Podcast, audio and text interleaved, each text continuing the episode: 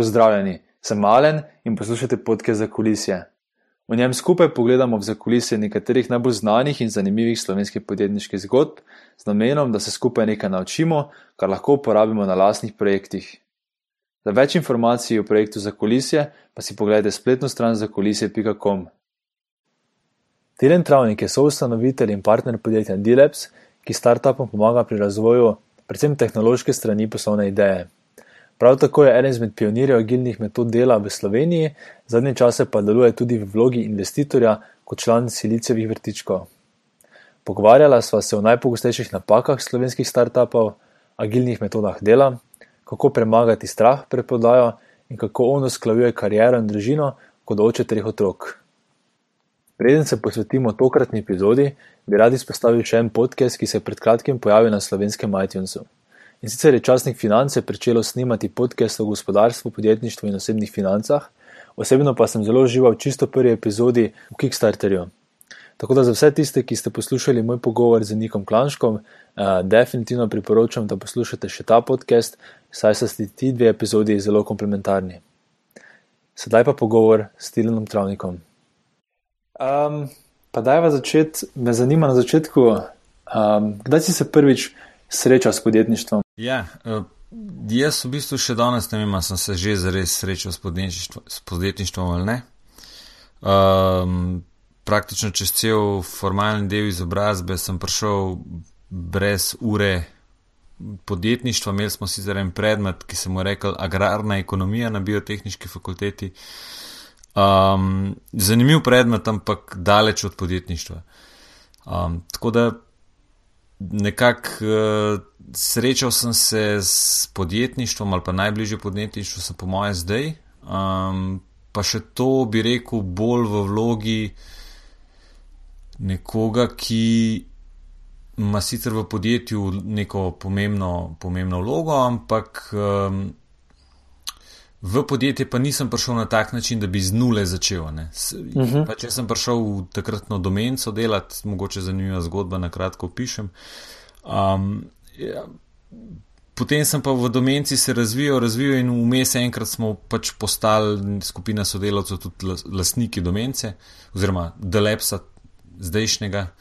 Um, in, in tako da nisem v nekega tistega več trdega vstopa v podjetništvo, ampak se je to tako fade in oziroma fade out mhm. dogajalo. Um, to je to. Um, Omenil si to zgodbico iz Domence. Um, lahko mogoče opišeš, kako je to izgledalo? Lahko. Um, zgodba se začne nekje. 2006 sem jaz formalno zaključil faks, diplomiral v BES-u znanstveno metodo v biotehnologiji na klini in rekel, da če grem delati nekaj, kar me bolj veseli. To je bilo takrat kot je bil fancy naslov direktor projektov v podjetju Hal Interactive. Um, vedno sem znal glih tok HTML-ja, pa, pa PHP-ja in podobnih stvari, da me programeri niso glih mogli okrog prsta navijati. Um, bil sem pa dober v, bom rekel, komunikaciji z tehnologiji neveščimi strankami. To je takratni šef Matej upazil, da je hitro mi ponudil službo in pa sem se nekako dve leti tam kalil. Mene je bilo super, ker je bila služba v Kamniku, ker tu živim. Uh, v teh dveh letih sem pa spoznal predvsem to, da vlada velik. Uh, velika zmeda v tej sceni projektnega vodenja softvera. In sem pa se začel badati z Agilom, um, se pravi z agilnimi metodami projektnega vodenja, programske opreme in drugih vrst projektov. Ba jaz sem postal prvi certificirani Scrum Master v Sloveniji, to še zdaj ne vem, če je res ali ne. Um, in potem me je ta pot zanesla v bistvu preko Jugoslava Petkoviča na takrat, takratno domenco, ki je bila še združena, v bistvu, takrat se je jih kar mimo vrste odcepil od tega podjetja, ali ne vem točno, kdo se je od koga odcepil, ampak isti lastniki, dve firme sta nastali. Uh -huh. um, potem sem pa v bistvu. Poskušal prve, recimo prvi dve leti tam zagnati neke agilne principe z, bom rekel, več ali manj uspeha, na kar pa sem, smo v bistvu tako mal po nesreči mal, mal vedno pravim, pač sreča ima un, ki proba imeti srečo. Ne. Smo probali imeti srečo in smo se prijavili na mednarodni razpis v Anglijo, smo ga s tem, da smo naredili čisto vse kontra, kot so oni želeli, ga dobili in to je postal naš prvi angliški projekt stvar se je potem razvila v to, da smo se še enkrat razcepili iz domence, smo postali do, do, domenca Labs in potem zdaj v zadnji inkarnaciji The Labs, kjer sem danes, um, da imamo temu reči, soustanovitelj, um, pa partner je neka moja vloga, se pravi, um, taka nedorečena, prodajno, razvojno usmerjena. Mhm. Ta bi bila tako zanimiva, bolj entrepreneurship zgodba ne, iz tega vidika. Um, kako to zgleda, v bistvu, če iz, iz enega podjetja probaš narediti um, pod podjetje oziroma nek spin-off, ne? tako mi zveni v bistvu vaša zgodba. Kako to zgleda, kar se tiče dogovarjanja? Um, ker tudi sam delam z, z velikimi podjetji ne, v, pri IDU in veliko krat, ko se pogovarjamo, entrepreneurship ni ravno tako velikega navdušenja nad tem v bistvu menedžeri bi raje te zadeve ohranili znotraj podjetja ne, in ne razumejo, zakaj je treba ustanoviti novo podjetje. Um, kako to, da ste se vi odločili za ločeno podjetje in ja, kako bi se bilo pripričati? Tle bi, tle bi rekel, da so, da so pač eh, da je par razlik. Ne. Se pravi, ta začetna firma, niti ne vem več, kako se reče, mislim, da je bila TIDO, ne. to je firma originalno iz Jesenic, ustanovljena na Jesenicah, ki je uh, takrat zajemala um, hosting, se pravi, prodajo zakupa strežnikov, potem domene so prodajali in imeli spletni razvoj. Potem je ta oddelek spletnega razvoja naredil produkt, ki smo rekli košarica. Um, leta, to je bilo približno 2000. Takrat v Sloveniji nobeden ni kupoval e-commerce softvera, ker pač e-commerce sploh ni bilo. Mhm. In so fanti rekli, da imamo pol narediti fizično trgovino na jesenicah, pa jih pa je pritaken zraven še ta naš online del, da vidimo, če sploh dela to, kar smo razvili. In iz tega se je razvil mimo vrste. Mimo vrste se je pol, mislim, da 2-6, 2-7, ki je ta zga odcepla. Um, či zaradi, uh, bom rekel, tega, ker, ker je bila, bila rast mimo vrste v primerjavi z domenco precej večja, uh, drugačne potrebe in tako naprej. Tako da ste ta skupina lastnikov, ki so to v osnovi ustanovili, že naučila nekako cepati podjetje, ko je smiselno za podjetje. Ampak lastniško je še vedno to vse ostajalo pod eno, pod eno roko. Ne? Tako da te, te, te cepitve, mimo vrste stran, domenca stran in tako naprej, tle ni šlo za neke hude, eh, bom rekel. To, to so bile čisto pragmatične odločitve. No, ko smo se pa mi poskušali, oziroma ko smo pa mi hoteli podjetje zaposleni odkupiti, ne, tam pa je bilo malo mal tega, ne, pač, um, kako zdaj pripričati obstoječe lastnike, da bi nam prodali deleže, uh, koga vzeti zraven, um, kako to speljati in tako naprej. Ampak mislim, smo se pol dosto v redu vse skupaj izmenili. Um, mastermind tega je, je, je kolega Jaka Levstek, ki je zdaj direktor pri nas. Um, mi da so pa nekako stopila v neko tako malo bolj tvegano prvo fazo, potem so se pa pridružili še sodelavci, ki so, um, vsi smo v glavnem tako uplačali deleže, um, se pravi, da smo dejansko prispevali nekaj svojih prihrankov v to, pomagal nam je pa še en investitor, um, zunanji. Tako da zdaj imamo mhm. neko tako na pol, um, na pol delovsko lastništvo, na pol startupovsko, um, pa lušno, v redu funkcionira. Lahko moče še za vse, ki ne poznajo Dilepsa na kratko, opišeš, um, kaj počnete, pa kakšen je vaš poslovni model, ker se mi zdi v bistvu zelo um, zanimiva zgodba. Ja, um, lahko. Dileps je podjetje, ki pomaga business heavy startupom, in korporacijam, ki um, si želijo delati na nek startupovski način, da v nekem vodenem procesu um, produkt njihov značrtujemo, testiramo, preden gre v razvoj, načrtujemo uporabniško izkušnjo potem tudi dejansko razvijemo in um, rastemo, oziroma we grow the product. Um, mhm. To delamo za denar, se pravi, time and materials, Um, tako da smo v, v čisti v osnovi storitvena firma, um, z vsemi svojimi dobrimi in slabimi lastnostmi, se pravi, neka linearna rast s številom zaposlenih, neke metrike, ki so za storitvena podjetja pač značilna, ne, utilizacija, um, cena prodane ure oziroma dneva, um, take stvari. Kako pa zgleda to čisto plastično, če imam jaz, torej če sem jaz ta business heavy partner, ne, ki nimam tehnološkega znanja in pridem do vas in bi rad izpeljal neko idejo iz čiste nule. Um, kako se v bistvu dogovoriš, za koliko časa se v bistvu sploh dogovoriš in kako zgleda s tem plačilom? Vi tudi dobite nek equity? Um, um, kaj so te detajli? Um, v bistvu je tako, v idealnem primeru Zdaj najprej bom rekel, pa ta bom rekel kompenzacijski del, ne, se pravi, kako mi zaračunamo. Mi smo tukaj eksperimentirali z, z, z nekim equityjem, um, v parih firmah smo imeli tudi deleže, um, pa smo nekako ugotovili, da ta svet equity, se pravi to, da ti nekako nižaš ceno svoje storitve, zato da boš um, pridobil delež v neki firmi, se nekako ne obrestuje ali pa se nam, se nam ni izkazal kot nekaj, kar bi bilo smiselno pa tudi neke take čudne, bom rekel, čudna razmerja se začnejo ustvarjati med, med naročnikom in tabo.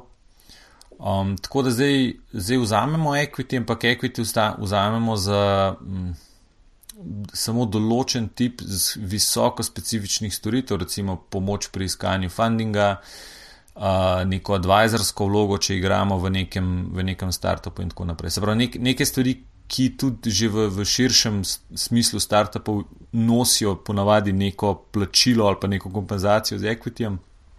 V takem primeru tudi mi potem vzamemo equity za čisto delo, pa ne. Zdaj pa če se vrnem nazaj, kako izgleda neki idealen proces. Um, mi smo tle. Um, Imamo neki segment, pa mogoče za to, za to oddajo bi, bi predstavil nek segment, ki ga mi imenujemo Deliberator. Uh, Deliberator je, je oseba, ki um, je si nekaj časa, nekaj let, mogoče deset let, nabirala izkušnje v neki industriji, um, razume, kje je tam problem, sluti, da bi se ga dal rešiti z uporabo nekih internetnih tehnologij, um, in nima okrog sebe možnosti pridobiti v ekipo nekega tehničnega co-founderja. Mhm. Z vsemi njegovimi lastnostmi. Se pravi, eno je obvladovanje tehnologij, drugo je vodenje razvoja, tretje je nek biti nek um, sogovornik pri dejanskem razvoju, strateškem, ne, kje je stvari delati, kje je ne delati in tako naprej. In tam mi vstopimo noter. V bistvu že v tisti prvi fazi, kjer se spoznavamo na način, da poskušamo um, najprej mi spoznati, da je tok, da se lahko mi interno opredelimo, ali nas ta ideja sploh prepriča, ali sploh verjamemo dovolj v njo. In iskreno povedano, če ne verjamemo v idejo, poskušamo z nasveti sugerirati temu, ki je prišel vprašati, če bi sodeloval, kaj naj naredi, kako naj to idejo validira, brez našega gažmaja in tako naprej. To je nek tak zelo, bom rekel, etičen pristop v smislu tega, da če mi ne verjamemo v idejo, ti ne bomo hoteli prodati razvoja, ker. Um, ali pa če nisi že prišel z nekim trekšnom dokazanim, ker ne, niso čisto vsi, ne, ne začnemo čisto vsemi popolnoma na začetku, z enimi začenjamo tudi malo kasneje. Um, in potem naslednja faza, oziroma takoj potem spoznavnem oziroma preverjanju, sledi pa klasično, se to boš ti tudi poznal iz, iz ideje, ven pač govorimo o neki um, discovery fazi, kjer v bistvu skoncipiramo produkt, uh, ga poskušamo na čim več, čim cenejših načinov zvalidirati, se pravi od tega, da kažemo prototipe papirnate v Invision narejene. Do tega, da kažemo dizajne uporabnikom in jih gledamo, jim, kam bi kliknili, če bi kliknili, do tega, da delamo vse sorte intervjujev in tako naprej. Velik, velik, recimo, sploh ta del, s katerim se jaz ukvarjam, zelo velik je to, da sploh stranke naučim, kako delati user intervju. Ali pa da jih, da jih uh mhm. -huh. brcnem v rit in rečem, pejte zdaj to prodati. Ja, kaj ne grem prodati? Ja, te šest wireframe, ki jih imaš narisane. Ne? Pej do kolega uh mhm. -huh. pa probi prodati to stvar. Um, tako da po tej fazi dejansko pol sledi neka, neka estimacija in tako čez pasti bom rekel, da um, s, je, je naša naloga to, da poskrbimo, da, da MVP katerega koli produkta uspemo stlačiti v nek budžet, ki je tako velik, da, da founderju ostane vsaj še dve tretjine budžeta za iteracije. Ne. Se pravi, recimo, da ima founder vem, 150 ur nekega fundinga nabranga in namenjenega za produkt, ne, potem je moja naloga oziroma naloga te Discovery slash MVP ekipe, da značrtuje tako velik produkt, da smo ga mi sposobni za 50 tisoč evrov spropeljati mhm. do lonča, s katerim bo on začel lahko testirati še z dejanskim produktom, a stvar špila ali mhm. ne špila. Mhm. Tu si se dotaknil par zadev, ko bi rad um, vprašal, ampak prva zadeva, ko me zanima, je, um, kaj se zgodi po tej fazi, oziroma kaj se naprimer zgodi, če za to idejo um, ta vaš co-founder oziroma taki idejo imel, ne, um, preraste. Mislim, se zgodi tudi, da v nekem trenutku v bistvu ideja preraste, D-Labs in potem prevzame kdo drug. In če ja, v bistvu, kako pomagate narediti ta transition? Ja, um, to se zgodi. Um, mi smo glede tega tudi popolnoma transparentni, ker um, to, da nekdo outsourca celoten razvoj produkta neki firmi, ne, je ponavadi, ali pa je zgodovinsko gledano, naletelo na zelo velik odpor pri investorjih. Ne ja, pa ti moraš produkt in-house delati, pa to mora biti tvoje, la, la, la. Tako da mi nikoli ne naredimo nobene stvari, ki bi bila kakorkoli um, kopija nečesa, kar smo naredili prej, se pravi, vedno pišemo vse from scratch. Zdaj, kar rečem from scratch, s tem mislim, vzamemo nek konkreten framework, Ruby on Rails ali pa nekaj tasga, ne se pravi, neke komponente, ki so že na voljo in potem to sestavljamo v v, v, v produkt. Tako da iz vidika intelektualne lastnine, ponavadi, mislim, nikoli ni problemov.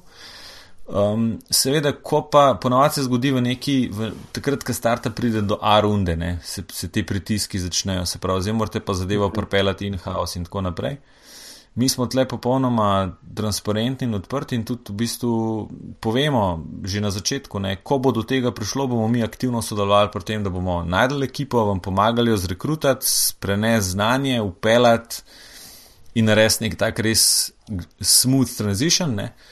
No, v praksi se pa pokaže to, da um, največ, kar, kar bom rekel, investori dosežejo v tisti fazi, je to, da mogoče pripeljajo nekaj dva do tri ključne ljudi v firmo, ne?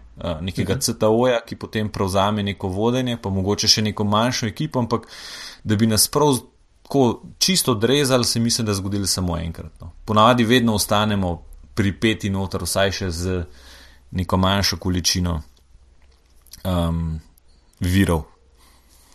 Uh mhm. -huh. Ja, smiselno da je tudi transition bolj smooth. Um, en druga stvar, ki pa si omenil, so pa ti user interviews in um, customer discovery in bistvo prodaja. Ne? In mogoče bi jaz tu, um, ker tebi vprašanje postavil, in sicer kako je pri vas gledal ta za D-Labs, kako je izgledal customer discovery, ne? kako ste v bistvu naredili ta pitch na začetku in kako so dobili prve, ne vem, ena, dva, tri stranke, kako je to izgledalo. Ja, Deleps kot Deleps, ne zdaj govorim ta um, breakout iz, iz, iz domence, se je dogajal ravno v času, ko je Blank objavil svojo, svoj startup manual, ko je, ko je Erik Ri začel pisati uh, svoj lean startup in tako naprej. Se pravi, ta scena se je lih razvijala in v bistvu mi smo takrat to vsi tako zelo navdušeno brali in, in, in postavljali zadeve tako, ker smo, ker smo bili vedno tako malo štekana firma, takoj v prakso. Ne. Se pravi, jaz sem naredil, lahko čisto odkrito povem, jaz sem naredil um, prve user intervjuje za stranko, preden sem kakršnega koli naredil zase.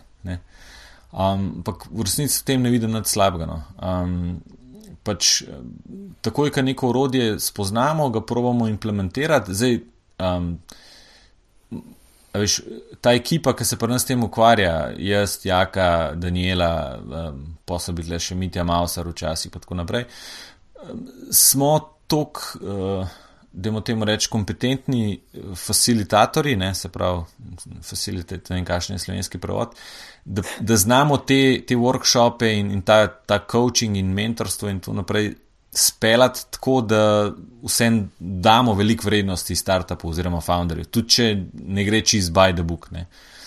Um, in iz tega naslova ven, ali pa iz te, bom rekel, iz te kilometrine, iz teh izkušenj, uh, smo ta, to storitev začeli začel oblikovati in je tudi tako zelo. Um, Zelo adaptiramo. No. Um, zdaj, zadnji čas je ta design sprint od Google zelo popularen. -huh. ki, je, ki, ki je tako ultimativno strukturiran, ne, na pol ure natančno. Zdaj boš delal to, pol boš delal to, pol boš delal to, pol boš delal uno. Ne. In tako mi smo ga zdaj sprobali. Um, vse je super, ampak super je takrat, ko delaš en feature za en produkt.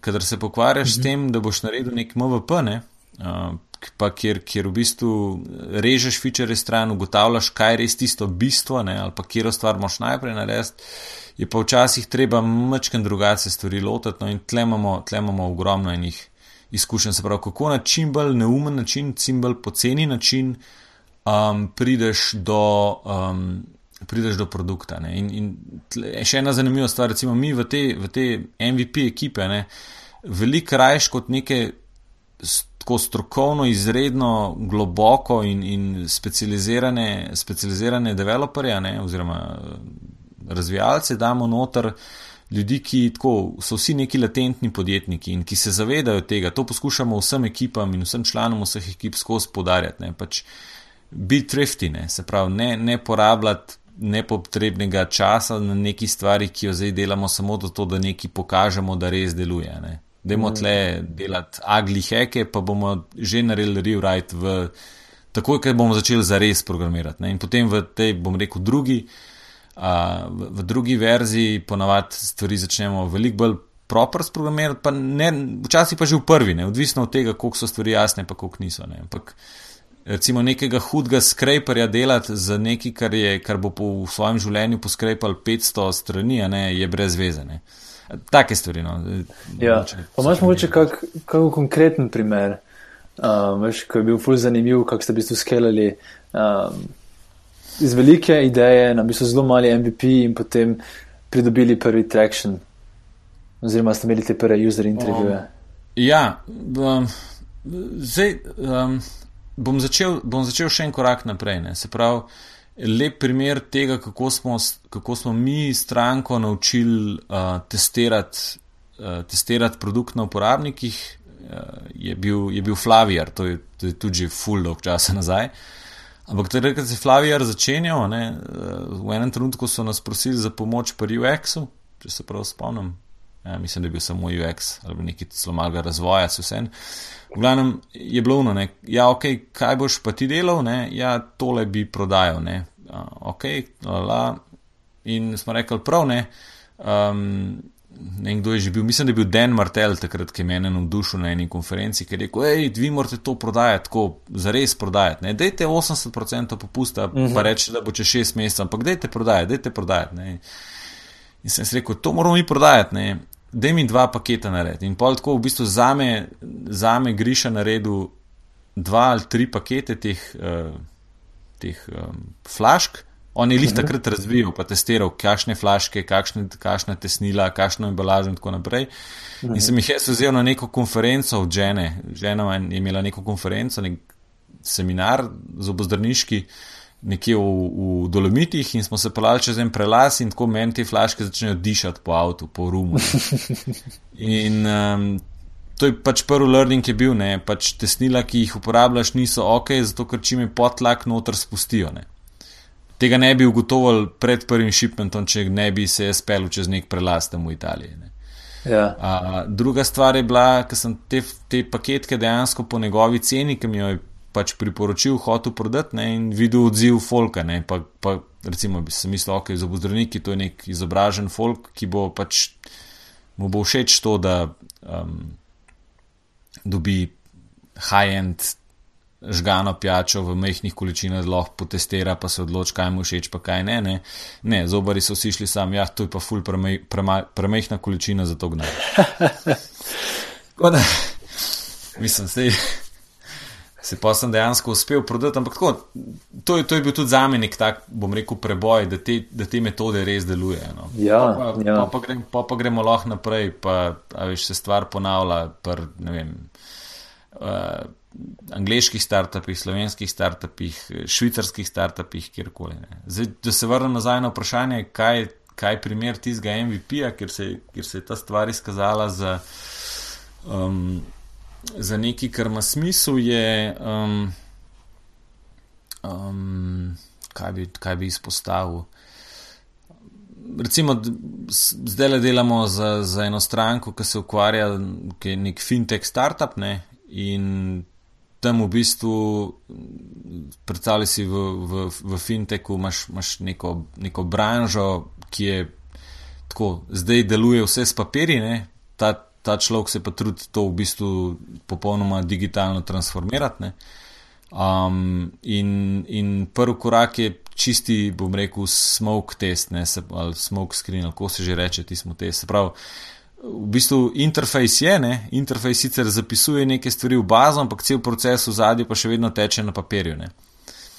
Um, in, in človek samo, bom rekel, uh, z, z, z, poši, z navideznim pošiljanjem transakcijskih e-mailov lahko da uporabniku vtis, da v bistvu je vse že digitalno in vse funkcionira. Ja. Pa še stvar ni live, ampak se samo testira. To, to je recimo nek.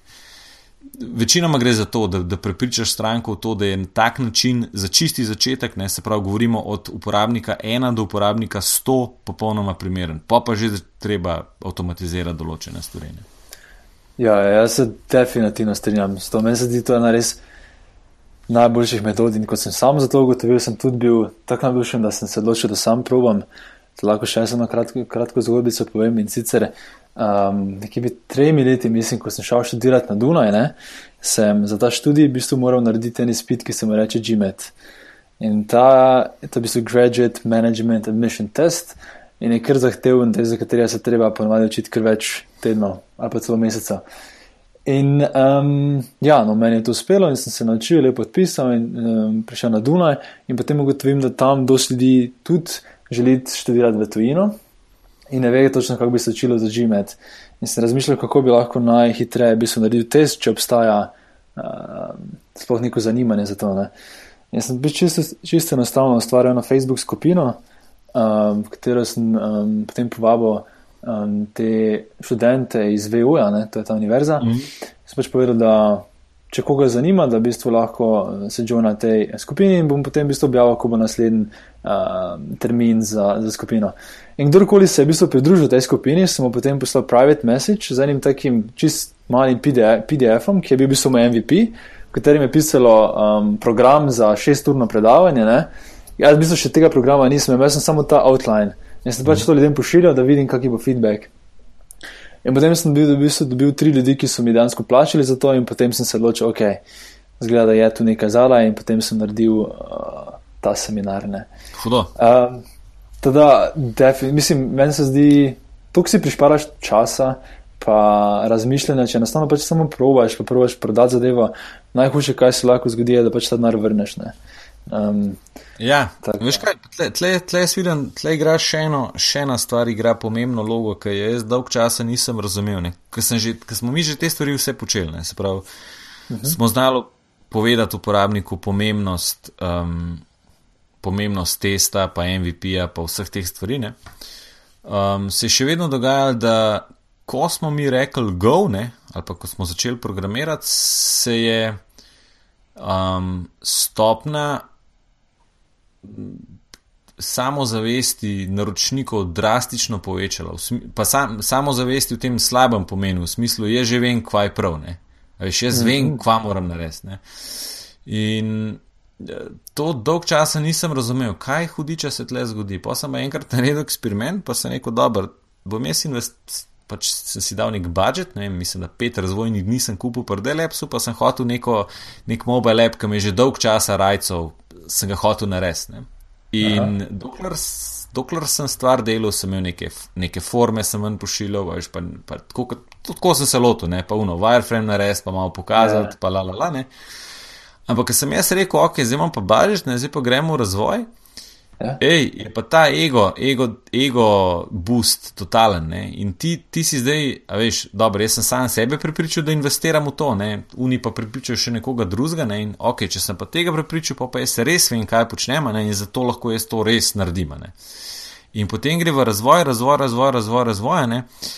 Rezultati pa velikrat bom rekel, zelo na pamet narejena funkcionalnost v, smeru, v smislu tega, ali jo sploh kdo potrebuje ali ne potrebuje. Ne. Ampak ta, ta, veš, ta ego, ja. ego drive, ki te pele, ne, jaz sem zdaj pa le, jaz dajem nar, jaz, to, jaz, jaz sem to naročil in jaz to hočem in jaz to zdaj vidim, da to dela in, in, in vem, da bo delal še naprej in to je to. In to velik, velik naših strank. Um, kar težko ustaviti v tem navalu, veš, pa dajmo še to, pa dajmo še to, pa dajmo še to. Sej pol, na drugi strani je vedno streznitev prvega v mesecu, ki dobijo račun, ampak um, ne, se probamo, probamo to, kar se da dobro planirati, pa povedati, pa ne, pa budžete naprej povedati, pa tako naprej, ampak um, ta, ta, tega ne podcenjevate, ne, se pravi, ko se bo še enkrat, veš, ali pa sploh, če mm -hmm. greš kam, kakšnim indicem to outsourcati, nekaj, to še tako finančno zelo no-brainer, ne, se hitro zgodi, da spišeš tako huge specifikacijo, pa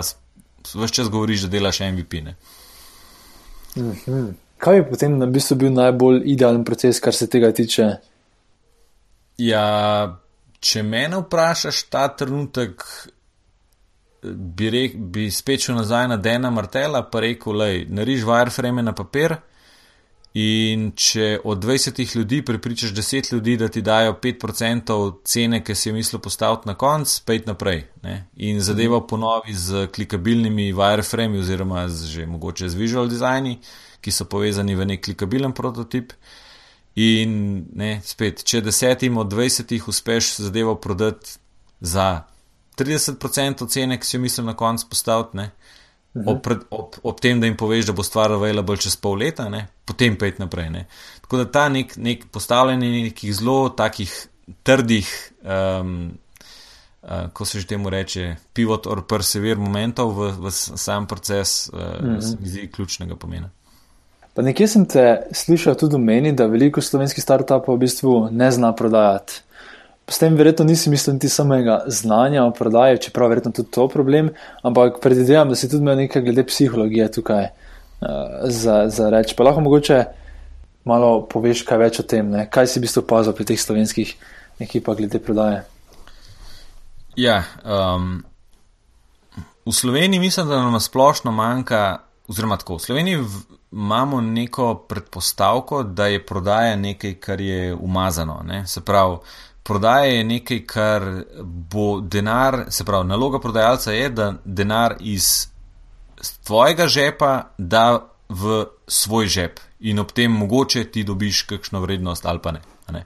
Mhm. In iz, tega, iz te negativne konotacije se nišče s tem noče preveč ukvarjati, um, kar ima za posledico to, da nihče o tem kaj dost ne ve kar ima za posledico, da tudi takrat, ko se je treba s tem ukvarjati, se nišče noče s tem ukvarjati, ali pa če se že nekdo začne s tem ukvarjati, so rezultati zelo slabi. Medtem, ker recimo v ameriški kulturi in pa angliški, ne, je pa ta, to, da v bistvu ti kot prodajalec rešuješ probleme in je to tvoje prima, primarno poslanstvo, je to, da boš reševal probleme. Ne. Je pa potem tudi to, kako si percipiran kot prodajalec, popolnoma, popolnoma druga stvar. In, in jaz le vidim na, na začetku, recimo, tako, sploh pri nekih softverskih biznisih, ne, se je zelo, zelo um, enostavno skrit za to svojo fasado virtualnega produkta. Ne. In ja, jaz, mi smo pa online, mi pa pač prodajamo samo online, ne? naši uporabniki so neke številke v Google Analyticsu in oni pridejo in potem konvertirajo s tako stopno v to pa to. Um, jaz zelo rad porinem startupe, ki so še toliko na začetku in jim rečem, ok, kaj delate? Pa reče, ne, delamo mobilno aplikacijo. Um, recimo um, Blue Bloop, um, ta, točno to se je zgodilo. Ne? Ja, mi delamo mobilno aplikacijo, ok. A že veste, kakšen bo vaš revenue stream? Ja, seveda, prodajali bomo aplikacijo na začetku, pa bomo še druge stvari delali. Ok. A imate aplikacijo? Ne, ne, drug teden bo redi. Ok, se dobimo čez en teden, ne? Ok, zdaj aplikacija je redi, prav, pejte prodajati. Ne? Kako to misliš? Ja, vzem ta APK, da je ta, ta paketek za aplikacijo, ne? ali pa ne vem, eh, nekako jo spravta v, v neko obliko. Um, Pejte do folka, ki vam je že pustil e-maile in rečete, da mi te zdaj to imamo, a bi ti to kupil za 10 evrov. In to smo se prepričvali po moje tri tedne, ne? na kar sta šla, no in še danes v pisarni Blue Plupa visi prvih 10 evrov v ukvirju, uh, obešenih, uh, v smislu, da to je pa prvih 10 evrov, ki smo jih uspeli pridobiti za, za to, kar počnemo. Um, in, in te prodaje, mislim, da mislim, se, se, se folk v startupih v Sloveniji boji. Ja, a imaš mogoče. Um kak na svet, v bistvu, kako ta strah premostiti. Obstaja kakšen reframe v glavi, oziroma ali samo action? Verjetno obstaja. Ne? Jaz sem vne knjige Daniel Pink, To Sell is Human, pa tako naprej prebral in sem se pol tako počutil malo bolj, aha, ok, cool, zdaj, pa, zdaj pa to je. Ampak tako v praksi pa vidim tudi, tudi pri nas, recimo na Delepsu, ker nas je Matt Mayfield vzel v šolo glede prodaje storitev razvoja programske opreme, ne, sem šel čez popolnoma isti drilne. Se pravi, lej, ti temu hočeš prodati ali mu nočeš prodati. Ist, ista fora, ki sem jo jaz, ne vem, čez tri mesece pol, mislim, zadeva zagotovo učinkuje, če te nekdo brca v rit izven cone obdobja in ko te brcne ven, potem ti rata in potem je to kul. Cool da boš pa ti sam se neki tok zmotiviral, da se boš dvignil ven iz tega, moraš biti pa.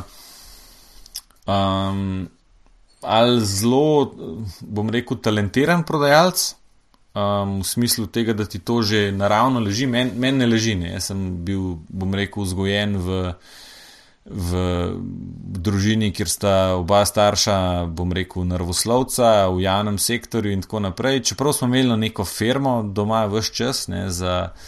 Um, oče si hotel iti malo podjetnika na trenutke, ne? nikoli nisem tega zares tako podedoval. Ne? Tako da vedno sem znal tako pošteno denar zaslužiti, ne? se pravi, jaz delam in, in visoko usposobljeno delo in zato sem dobro plačan. Um, Medtem, ki je pri pr teh veščinah prodaje, pogajanja, pa tako naprej, sem bil pa pa, pa nisem dobil doma neke doze ne, in tudi v, v, v fazi izobraževanja. Um, to sem se pa upisal še na tisti MBA v Zagreb, um, ki je bila sicer super izkušnja, ampak ne zaradi stvari, ki sem mislil, da bo super, ko sem se upisal. Kaj pa si pričakoval? Um, mislim, se tako rekel, jaz mislim, da od vseh sošolcev, ki smo bili v letniku, sem imel še najbolj tako sem imel še najbolj realna pričakovanja, kaj se bo zgodilo. Ne. Jaz sem že preden sem se upisal, poslušal Ferisa, uh, Tim Ferris, da je ti, on je rekel, ne, sem hotel iti se upisati nekam na NBA, pa sem rekel, bom rajši investiral, pa se tako nekaj naučil. Ne. Um, no, jaz sem tako rekel, ne, vse bi si lahko kupil vse te knjige, pa to sam prebral, sam se vem, mislim, se poznam sam sebe in vem, da se tega ne bom lotil, zato si bom kupil pač teh 18 vikendov časa, da pač to stvar dam skozi. No, in pa sem si kupil teh 18 vikendov, ali kako že je. Um, in, in bom rekel, tako NBA, vsaj v tej regiji se oglašujejo tako. Um, prvi benefit je network, drugi benefit je znanje, in tretji benefit je personal growth. Uh, no, jaz sem v resnici uh mhm. -huh. glih kontrafaso, ne. sem največ naredil na tem personal growthu.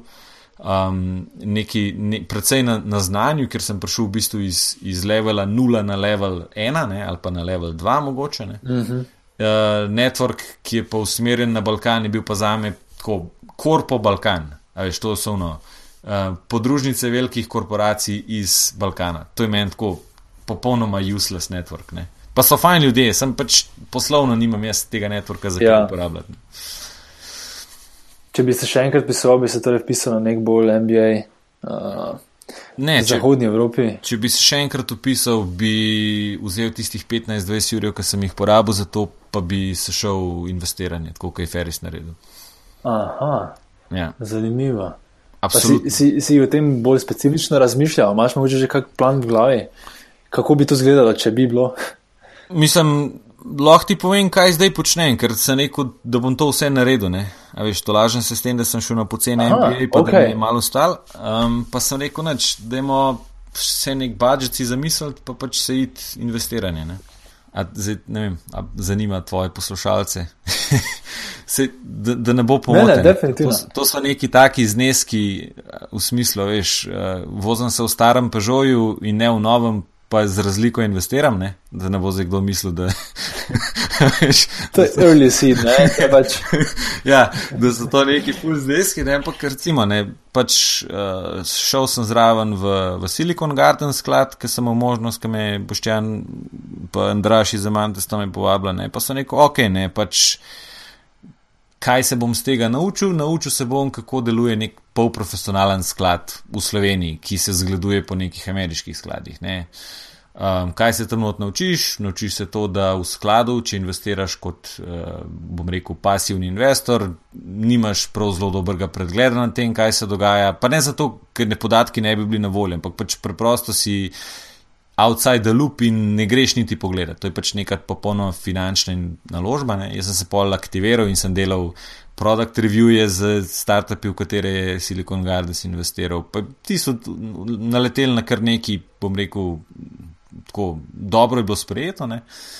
Pa sem rekel, ok, no, vse neki pa štekam, dobro, demo najti pa par priložnosti za direktno investicijo, a, kao angelsko, ne? in pa sem pač najdel ta blub blub, kjer sem nek angelski investor, to je ta super early premature seed seed, seed, seed. Ampak ja, um, pa zdaj se še z ene parimi pogovarjam. No. Tako da imam nek, da mu temu reči, da hočem v naslednjih petih letih priti do nekega portfelja, ki mi tudi statistično, vsaj teoretično bo omogočil, da nekje ta denar dobim nazaj. Ne, se pravi, govorimo ena od deset, ena od deset, ena od dvajset investicij, recimo tam nekje vmes, da, da pa, pa neki bo ne. To zdaj fenomenalno, no? ker te lahko še par vprašanj, v bistvu kot investitorja, vprašam. Ajde. In sicer me zanima, um, da si verjetno videl že par pičev, ne? slovenskih teh early stage startupov. Ja. Ja. In če bi rekel, da smo močni, če bi rekel, da smo slabi, oziroma bi, kakšen svet bi dal na splošno vsem, preden bi prišli do tebe in zaprosili za, za investicijo? ja, na, najprej do mene prite. Um, mislim, pridite do mene, vam bom pomagal priti do investicije. Zelo mehna verjetnost je, da bom jaz investiral.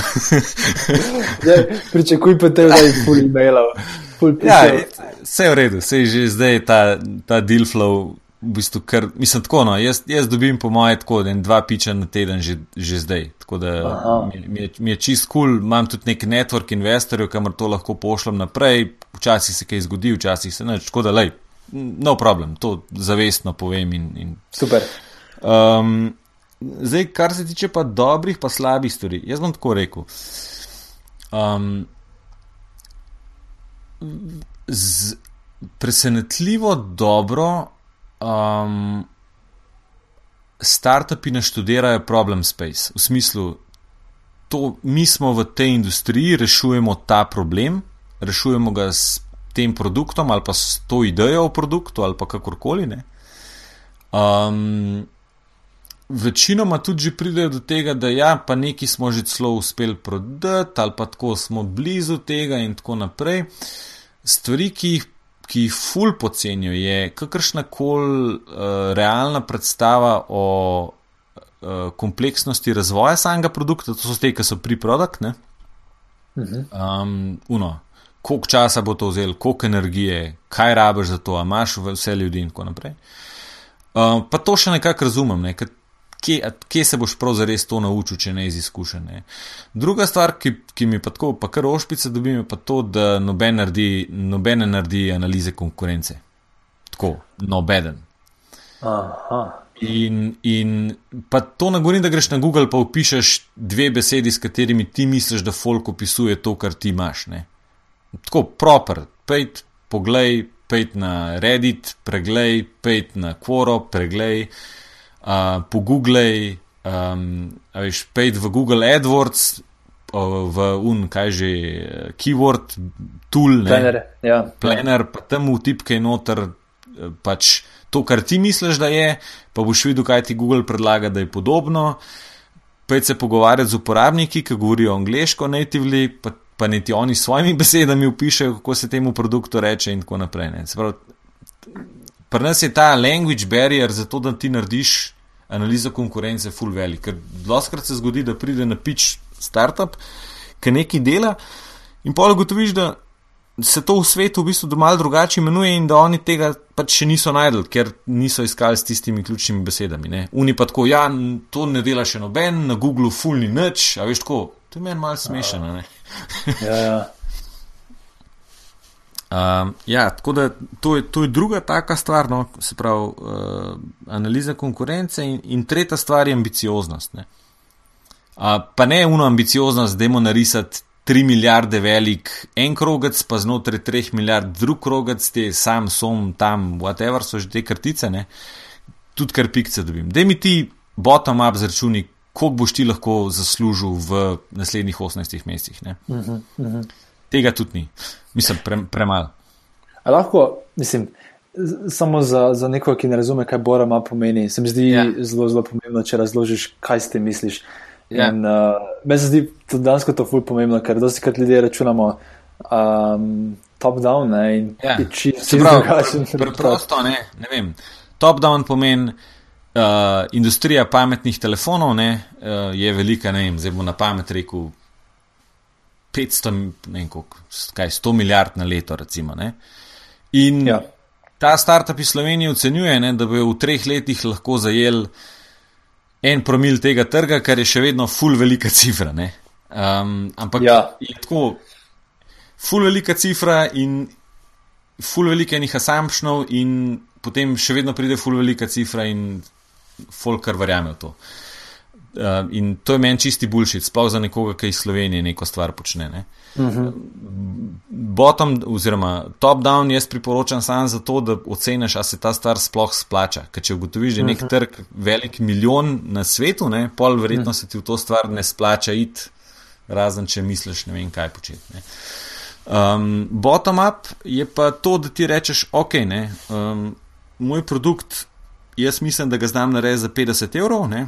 prodajal ga bom za 200.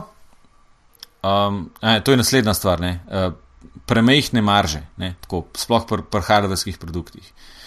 Um, tle, tle imamo tudi en full, full, full velik problem, ampak se bo k temu vrnil na pol. Ne? Se pravi, prodajam za 200, ne? Um, naredim jih lahko v prvem letu, ne vem, 100 komadov ali pa 200 komadov, koliko denarja je to. In, tako da, da pač zračunaš, ne, koliko jih lahko narediš, koliko tega jih lahko prodaš, koliko tega se jih bo pokvarili in tako naprej. In da tukaj ugradiš noter čim več nekih predpostavk, kaj se mhm. bo ali pa se ne bo zgodilo, in iz tega dobiš neko številko, ki je bistveno, bistveno manjša od tistega prej, ampak je bistveno bolj realna. -huh. um, ja, tako da to je bottom-up versus uh, top-down, zdaj pa še te maržene. Um, to je že, to je že, že Niko govoril v prvi epizodi, full tem. Ampak to, to, je res, to je res rak rana slovenskih startupov, ki prodajajo fizične produkte ali pa tudi software. No. Mislim, pač neprimerna cena, preniska cena. Um, zdaj, to je tako. Te stvari se da čisto v redu zračunati. Zdaj, če neko opisal z, z nekim takim precej kul, cool, preprostim računom. Uh, tudi pri softveru se da to zračunati. In še več, ne, um, boljše je dati na začetku previsoko ceno, pa je pol malo spušča toliko časa, da dobiš prvega kupca, kot da rečeš na začetku, hej, uh, mi se motli. Pazi, pa zdaj ne govorim tle, tle ne govorim marketing, tle govorim sam, kako boš ti določil, kateri, do katere cene želiš priti. Mhm. Ker tle, ko to rečem, tako je pol začne. Ja, ampak naša strategija je pa dobiti najprej full userjev, pa pol zvišati ceno. Prav, super, sam povej mi, koliko je tista cena, na katero boš pol hotel zvišati. Najprej, najprej potrdi, da je tista cena res izvedljiva. Um, tako da, ja, to, to pricing je problem. Ja, a postavi kak um, dober proces glede postavljanja pricinga za software um, in hardware, mogoče bolj tehnološke stvari. Um, ali je to kar neki markup, um, ki vzameš v bistvu svoje stroške, pa kar pomnožiš. Kaj je v bistvu najboljši začeten, enostaven račun? Veš, brez da dejansko greš ful, ful globoko v računanje. Um, ja, ja. Lej, zdaj, zdaj tako, pri hardwareu, pri hardwareu je tako, da. Um, oziroma tako, najprej se moraš odločiti, a boš. Najprej moraš trg pogledati. Um, na trgu imaš par variant. Ali nek nov trg, kjer se, kjer, kjer, ki se še razvija, ne? pa so cene še nedoločene. Ali pa je, in v tem primeru, v bistvu je tvoj, je, more biti tvoj cilj doseči najvišjo ceno možno, ker boš tako zvišal. Na, saj na začetku ne boš zaprl nekih vrat, da, da bi preživel, ne? se pravi, povečal boš možnost preživetja. Um, če je to nek že ustvarjen trg ali pa ustaljen, potem ti tako tle ustaja samo ta pač low cost uh, approach, ne, ki je potem race to the bottom in tisti, ki bo najboljši v tem raceu, bo zmagal. To so razni low, low cost um, letalski prevozniki in ostale low cost zadeve. Ampak recimo, da smo startupi vedno v nekih trgih, ki še nastajajo. Um, in, in tukaj bi jaz rekel tako, o low costu razmišljati nima smisla. Uh, pri hardveru si tako omejen še s ceno produkta, kjer bi jaz rekel, da če nimaš že na papirju, ko se zadeve lote, lotevaš, uh, mislim, če si ne moreš predstavljati, da boš, da boš imel dvakratnik, trikratnik lastne cene produkta, potem si zgrešil. Tako pač. Eh, za Kickstarter ne boš mogoče z, en, z se pravi, 100% maržo produkt še naredil, pa ga poslal, pa pol bo to to. Uh, razmišlja o tem, da boš postal podjetje z enkratno, z, z, se pravi, 100% maržo, pozabi. Ne. Tako je Niko rekel, 200-300% marža, zato da potem si lahko prvo še, še kakšen drug prodajni kanal, kot je direktna mhm. -huh. prodaja in tako naprej. Pri softveru bi pa rekel, da je uh, stvar spet full pogojena s tem, koliko dobro si konkurenco pregledal. Zato, ker če ti dobro poznaš konkurenco, potem tudi poznaš uh, njihove pricinge, njihove pakete, kako so sestavljeni in tako naprej. In potem je situacija dosti podobna vinski karti v restauraciji. Ne. Vinska karta, um, to je ta uh, princip. Ne. V vsaki vinski karti imaš eno ali pa mogoče dve flaške, ki so tako full dražje od vseh ostalih flašk. Uh mhm. -huh. Zakaj sto une dve flaše tam? Večinoma jih sploh nimajo na zalogi. Ne. Une dve flaše sta tam samo zato, da se ti uh -huh. ne mhm. počutiš slabo, ker naročiš drugo najboljšo stvar. Ne. Uh, in, in v bistvu ti frajmajo response na oni ful više, kot pa bi ti bil pripravljen um, mm -hmm. v mhm. resnici plačati. Ne. Tako da z dobrim pregledom konkurence si ti lahko nekako prvošeš isti, isto zadevo. Ne. Se pravi, veš, dokam bi še lahko se ti stegnil, veš, v katerih, ja, veš, kjeri featuri. Recimo, če ima tvoj produkt v startu pet featurejev, ki jih je konkurenca dodala pred tremi meseci, ne, pol veš, da imaš nekaj, kar lahko cenovno konkurira z nekim fulus. Tako mislim, analiza konkurence ti dosti teh stvari odgovori. No? Ja. Dajmo se mogoče še dotakniti malo ekipe, oziroma se dosti govori o samem piču, ne, ko ti nekdo pride z idejo. Ampak me razvala tu malo zanima, uh, če gledaš tudi na ekipo, ker dosti krat slišimo, da investitorji investirajo v ljudi in ne v ideje. Ne? Kakšne so to tvoje izkušnje? Ja. Um, ekipa je.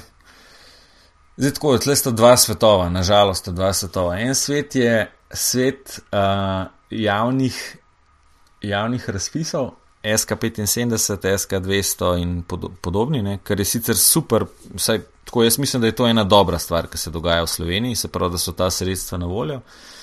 Um, nažalost se na te razpise vedno prijavi določena, določen kar velik delež, um, jaz jim pravim razpisarjev, ne, se pravi, to so tiste firme, ki se pač prijavljajo na razpis zato, da pač dobijo denar, da lahko živijo naprej. Ne.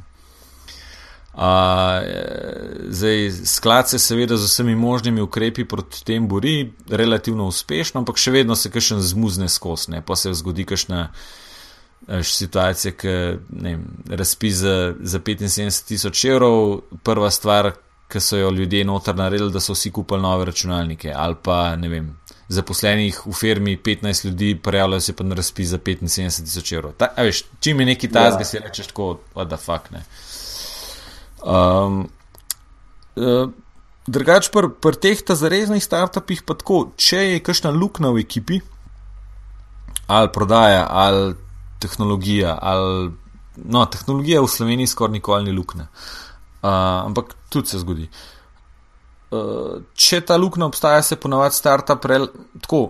Takoj, ko jim poveš, da imajo luknjo, se začnejo tega zavedati in ponavadi kar hiter potem najdejo neko rešitev. No.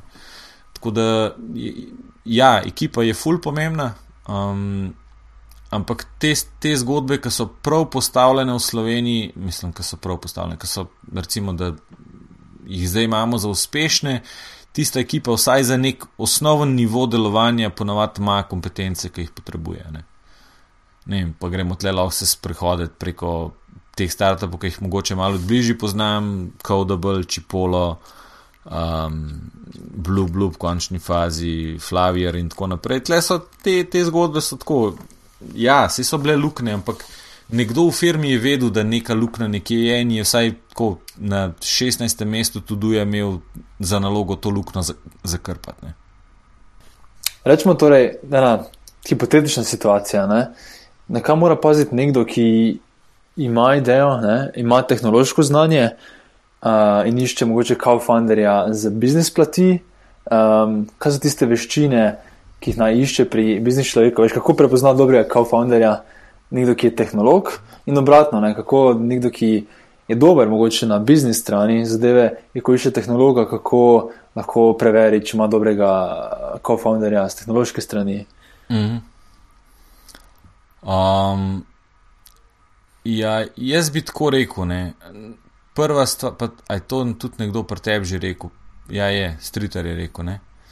Pač najprej se moraš ti zaštekati na osebni ravni. Če, če, uh -huh. te, če tega ni, ne, pol je brez veze nadaljevati. Kar se tiče, pa gre najprej na ta primer, da si, da si ti tehnološko močen, pa iščeš nekega biznis človeka. Ne. Um, Tle bi rekel, da je ena napaka, vsaj teh, bom rekel, hardcore so strašno na začetku, ne, da začnejo iskati tako s takimi zelo arhajičnimi termini, kot so komercialist ali pa. veš, ta, mislim, grejo dejansko ljudje v take ekstremne. Ta je pa za promocijo, pa za komercijalo zadolžena. Ja, ja. Okay. Ne, se pravi če boš iskal s temi besedami, boš tudi najdel napačne ljudi. Um, tako da najprej je to, druga stvar, zelo je fajn, da tega človeka najdeš preko, uh, mislim, možnost, da bo človek ok, je večja, če ga najdeš na ali pa iz ekosistema, v katerem si. Se pravi.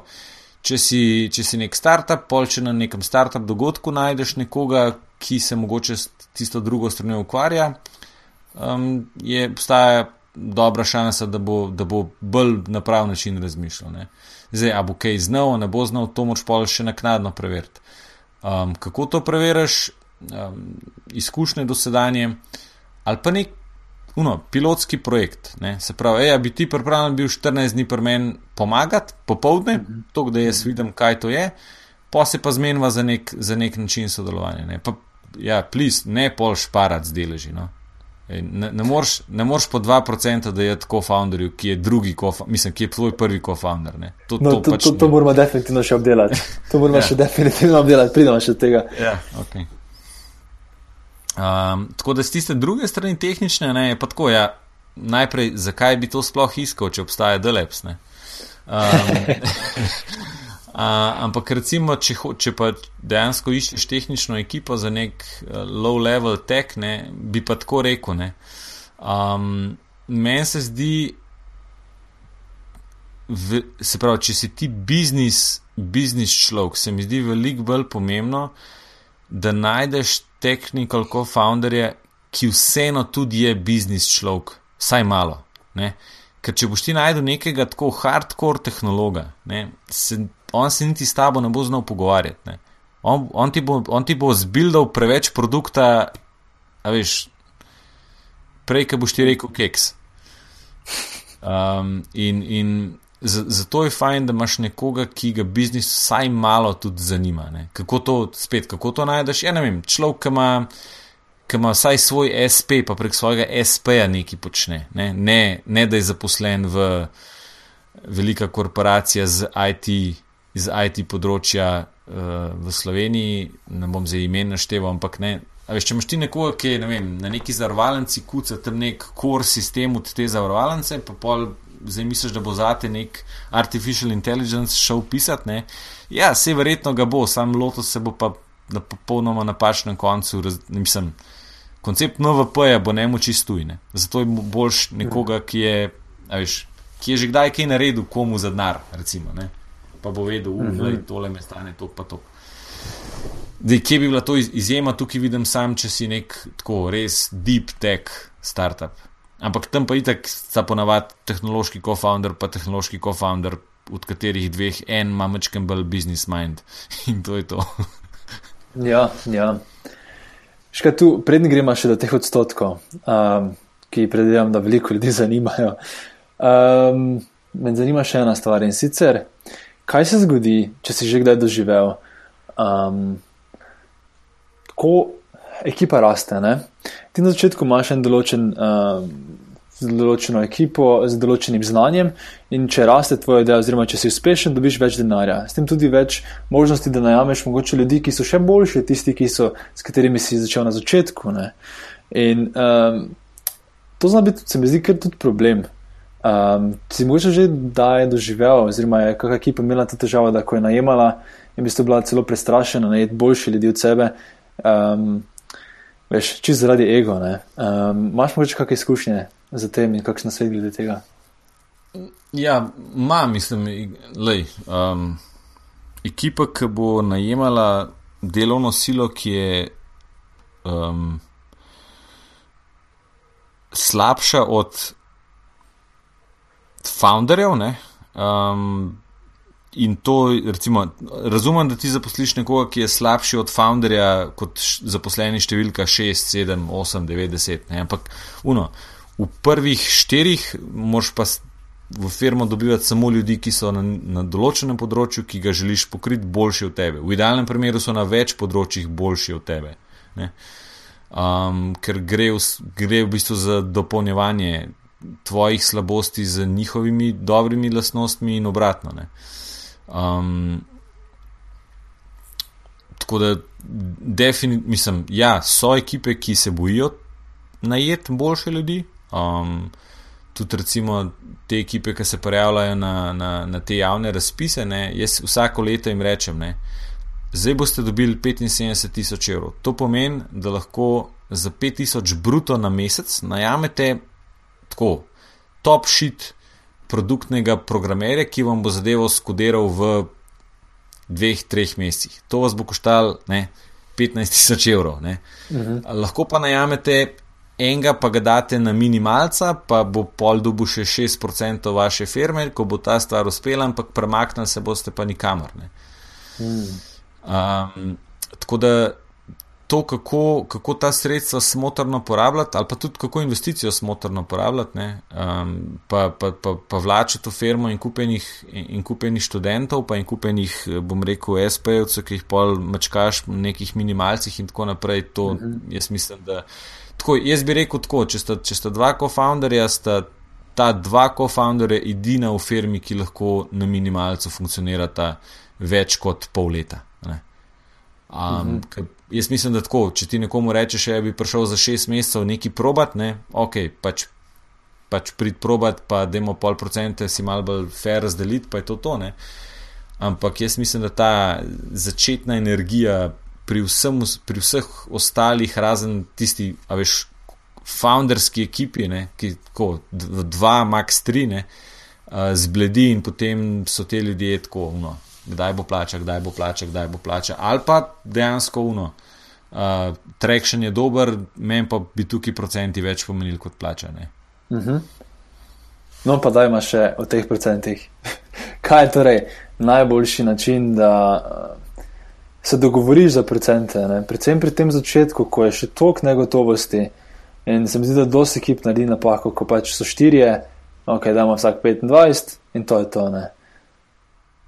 Ja, um, mislim, Sej, a veš, ta demo vsak 25 mogoče sploh ni tako napačna. Je, meni je bolj pomembno to, da, da se ekipa, takrat, ko se to pogovarjajo, ne, da se ekipa dogovori tudi o tem, kako se bo te stvari reevaluiralo čez neki časa. Ne. Točno to. To, to je, to je veliko bolj pomembno, kot pa to, kako se na začetku stvari razdelijo. Ja. Okay, gremo tudi, če gremo na, na enake deleže, fair enough pa če so 4, pa je to 25, ne? ampak dajmo se pol zmeniti. Čez eno leto se na tej isti lokaciji še enkrat usedemo in bomo po tem, pa tem, pa tem kriteriju, to je lahko, ne vem, količina, whatever, nečesa, ne? um, um, ocenili naše prispevke, se pogovorili o tem, koliko še čutimo, koliko ne čutimo, in to bomo vse skupaj utežili, in bomo procente čez eno leto na novo razdelili, ali pa bom, bo, a veš, vsak bo dobil 10% za zihar, imeli bomo pa še 60% za razdeliti, ki bomo pa razdelili po nekem novem ključu, ki bo jasen čez eno leto. Ne. Um, uh mhm. -huh. Skratka, da si neko tako varovalko startupi ugradijo noter, da, da, da se izognejo uh, raznim mrtvim deležom in pasivnim, pasivnim lastnikom in tako naprej. Torej, v bistvu, kar se pogovarjamo, je enoletni klif, in potem enoletnem klifu, vsak en del tega odstotka obdrži, in potem se dalje v bistvu dogovori za točne uh, parametre, na podlagi katerih se dalje potem ti ja, uh, ja. deleži. Ja, okay. to, je, to je knjiga Founders Dilemma, ki jo pri, priporočam vsakmu, da jo prebere, preden se tega loteva.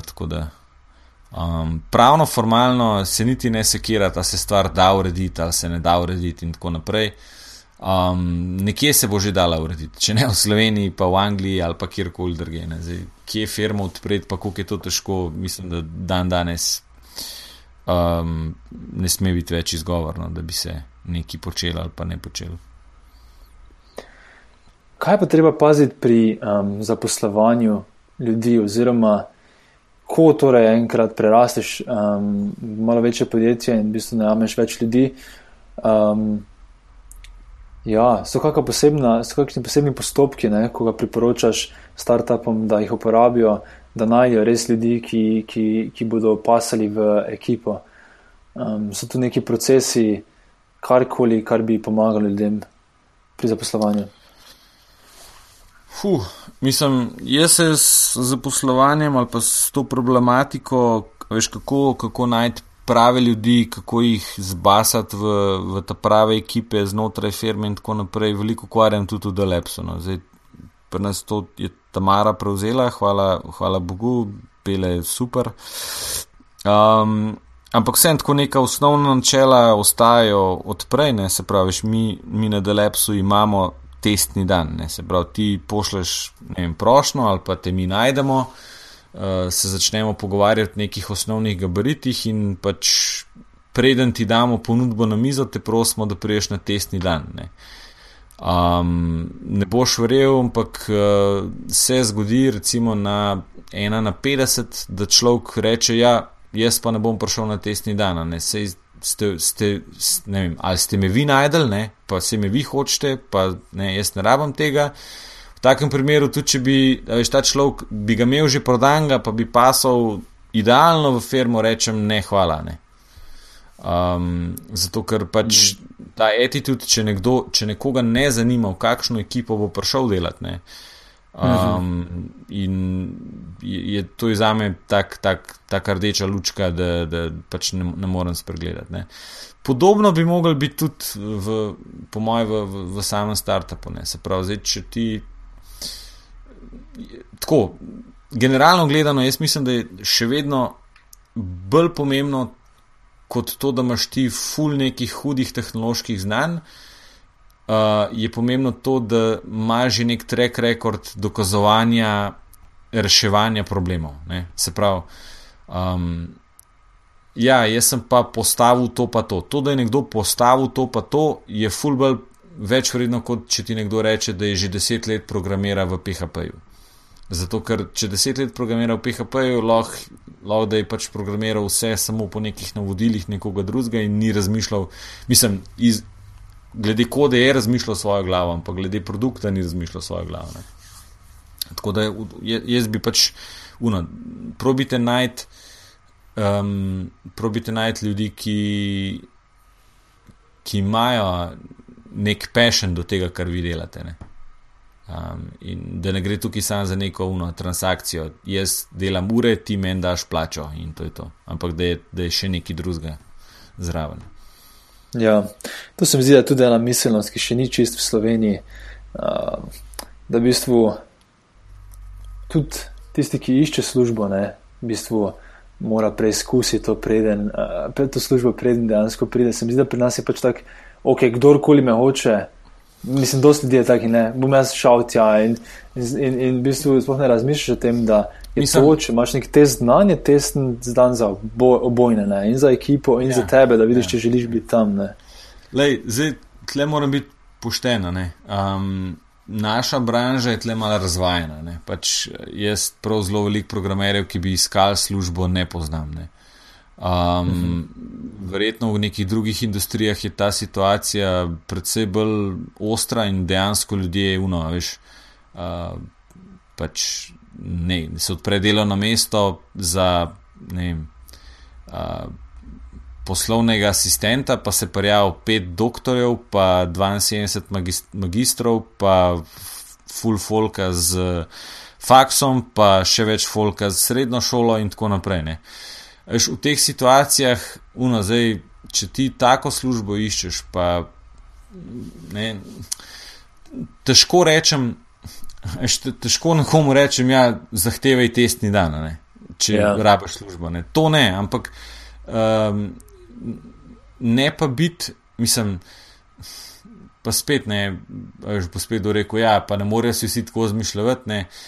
Ja, se to, to razumem, ne. pač ni, ni življenje ful enostavno, ampak ravno zaradi tega, ker vsi tako razmišljajo, ne, potem prihajamo v situacijo, kjer imajo delodajalci možnost uh, izkoriščanja, ker imajo, veš, tudi, tudi delavec na konc koncu lahko s svojo voljo, a bo nekje delal ali ne, pokaže, koliko je sam sebi vreden. Ne?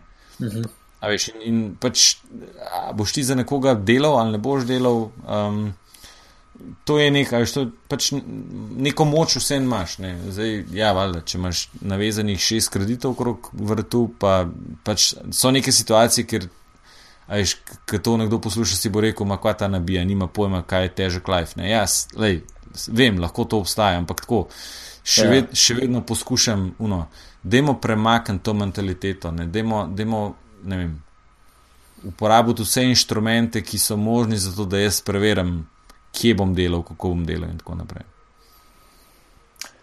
Jaz sem malo zašel v neko politično, uh, ne, apatično. Bom, bom bom usmeril nazaj. In sicer imamo mogoče vprašanje, ki zna biti čist zgrešeno, ampak od nekoga, ki, ki izhaja bolj iz poslovnih um, svetov, um, um, me zanima, omenil si tehnološki kader.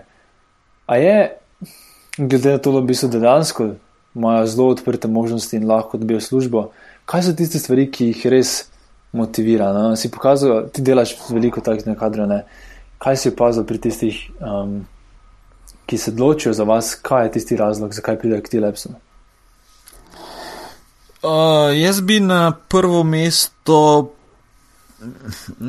težko bi postavil neki na prvo mesto, ampak tako, da lep se zdaj vsem tok velik, da ima brand neko težo, ne? se pravi, -huh. um, brand za sabo potegne, veš, firma, ki ima 60 zaposlenih, ne more jutri zginiti.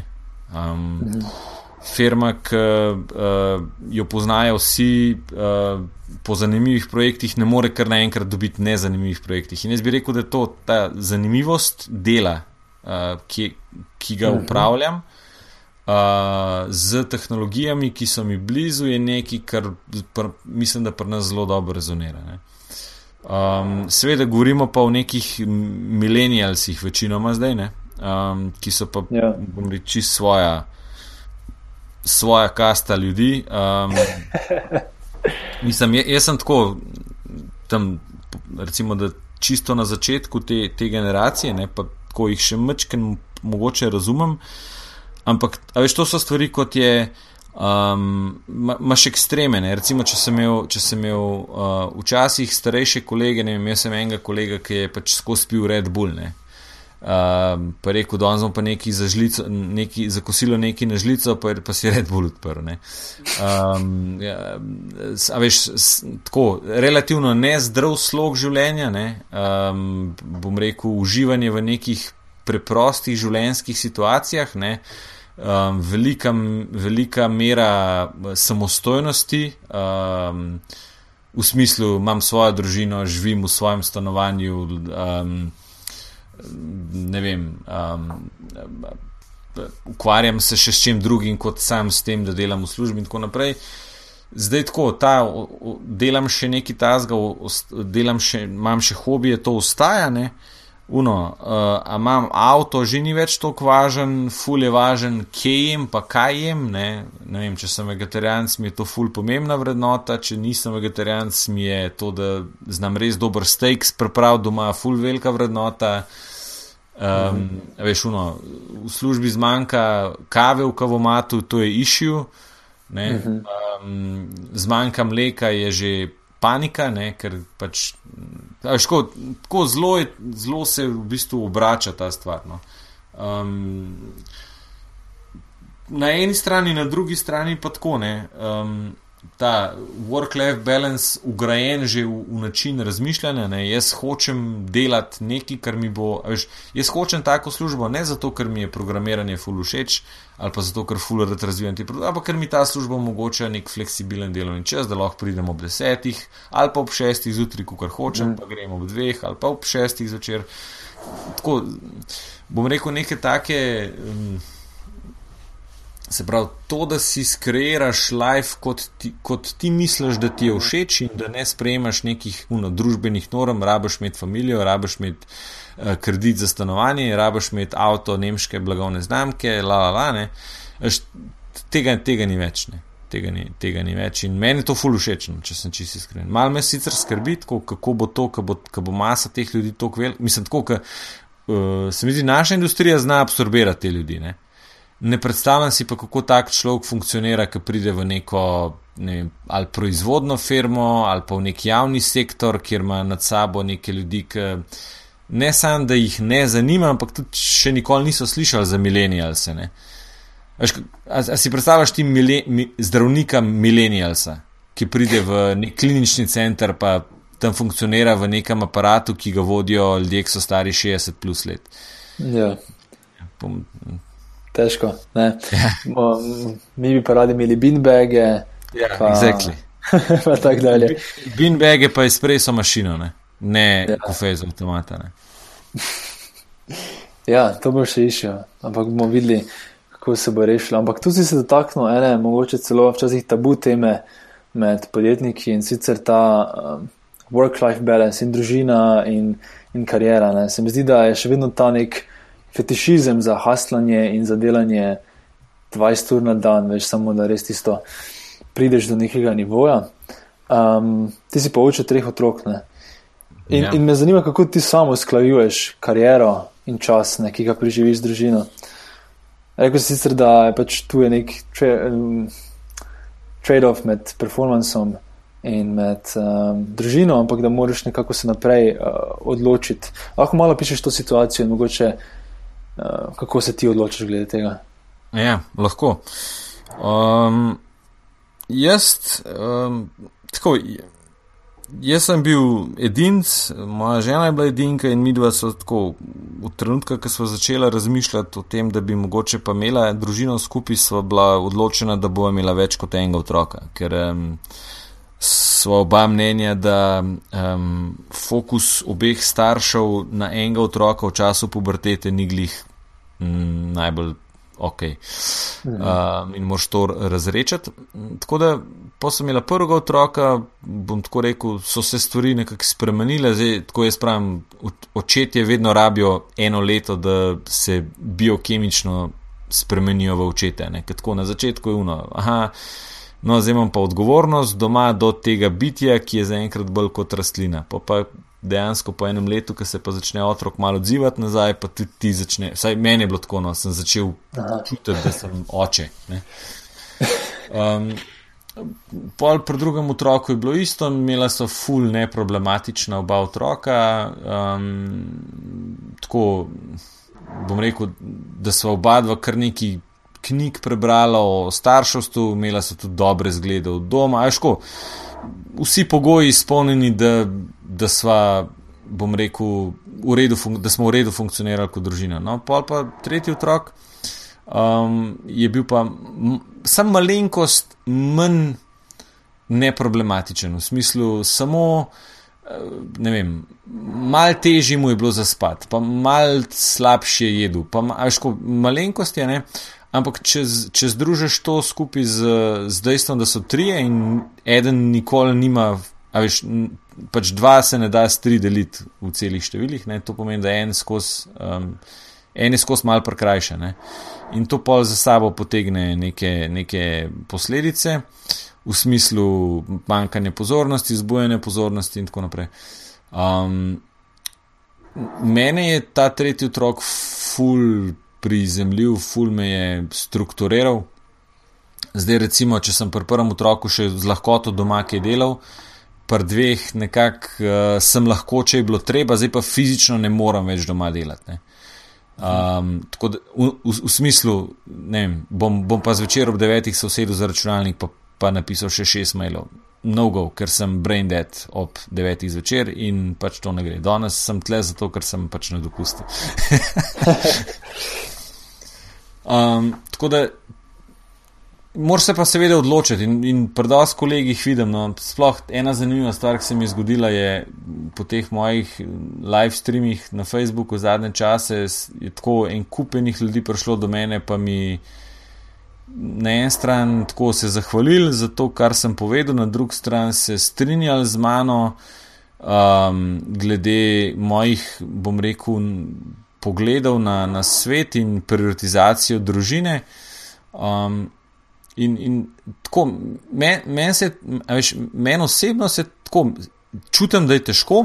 Veš, pridem domov, pa mi žena reče: Ja, danes si bil pa na tretji novoletni zabavi decembra, pa se rečko, pa se sem bil sam na tako eni večeri, pa eno niti ni bila zabava, ampak je bilo druženje v stoje z ljudmi iz scene, in tretje je bilo pač službena žurka, na kateri moram biti. Pač, tam, ja. uh, ampak imamo res ne. Pač, uh, veš, nekdo mi je enkrat rekel, um, da je to, da imaš ti doma ženo, pa otroke.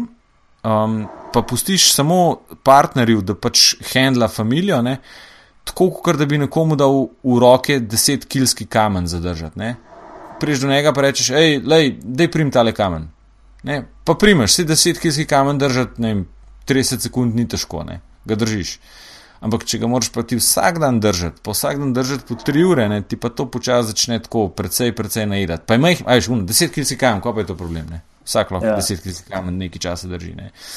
In to prispodobo imam, imam večkrat v glavi. Um, In, in ja, včasih, mislim, čisto iskreno, včasih se brcnem samo rit, ne, pa ugotovim, ok, ne, zdaj pa je tlele balans na strani dela bil preveč našopan, pa moram iti malo, tu pa včasih me pa tudi žena korigira, pa reče, hej, lej, neč te ni doma, ne, vala, klasično posploševanje, ampak po, ko grejo malo analizirati, pa res ugotovim, da se je količina kakovostno preživetega časa z družino v zadnjih 14 dneh bistveno zmanjšala. Ne. Velika prednost je tudi v tem, da moja žena nima težav s tem, da mi karkoli zelo direktno pove.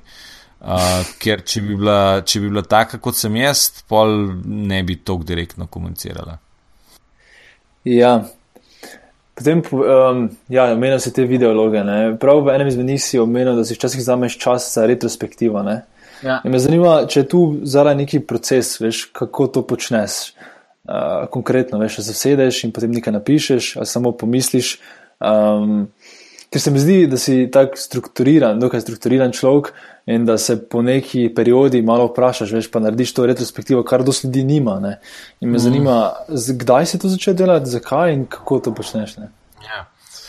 um, ja, ne najprej povem, da nisem tako strukturiran, kot na ven delujem. Sploh ne vem, kako je možno, da se je meni prijel ta um, tag, da sem strukturiran, ker sem vse prej kot strukturiran. ampak imam določene procese v lifeu, ki pa, uh, da mu temu reči, sem jih enkrat sprobal in mogoče sem jih udržal neki ali čist taki subtilni, mislim, taki um, non-tangible obliki ali pa, ali pa so. Ne. In te retrospektive um, sem začel delati najprej tako profesionalno v, v smislu. Um, Agile, ne? se pravi, agile, ključna komponenta agile je to, da delaš na, na, na koncu vsakega obdobja, narediš retrospektivo.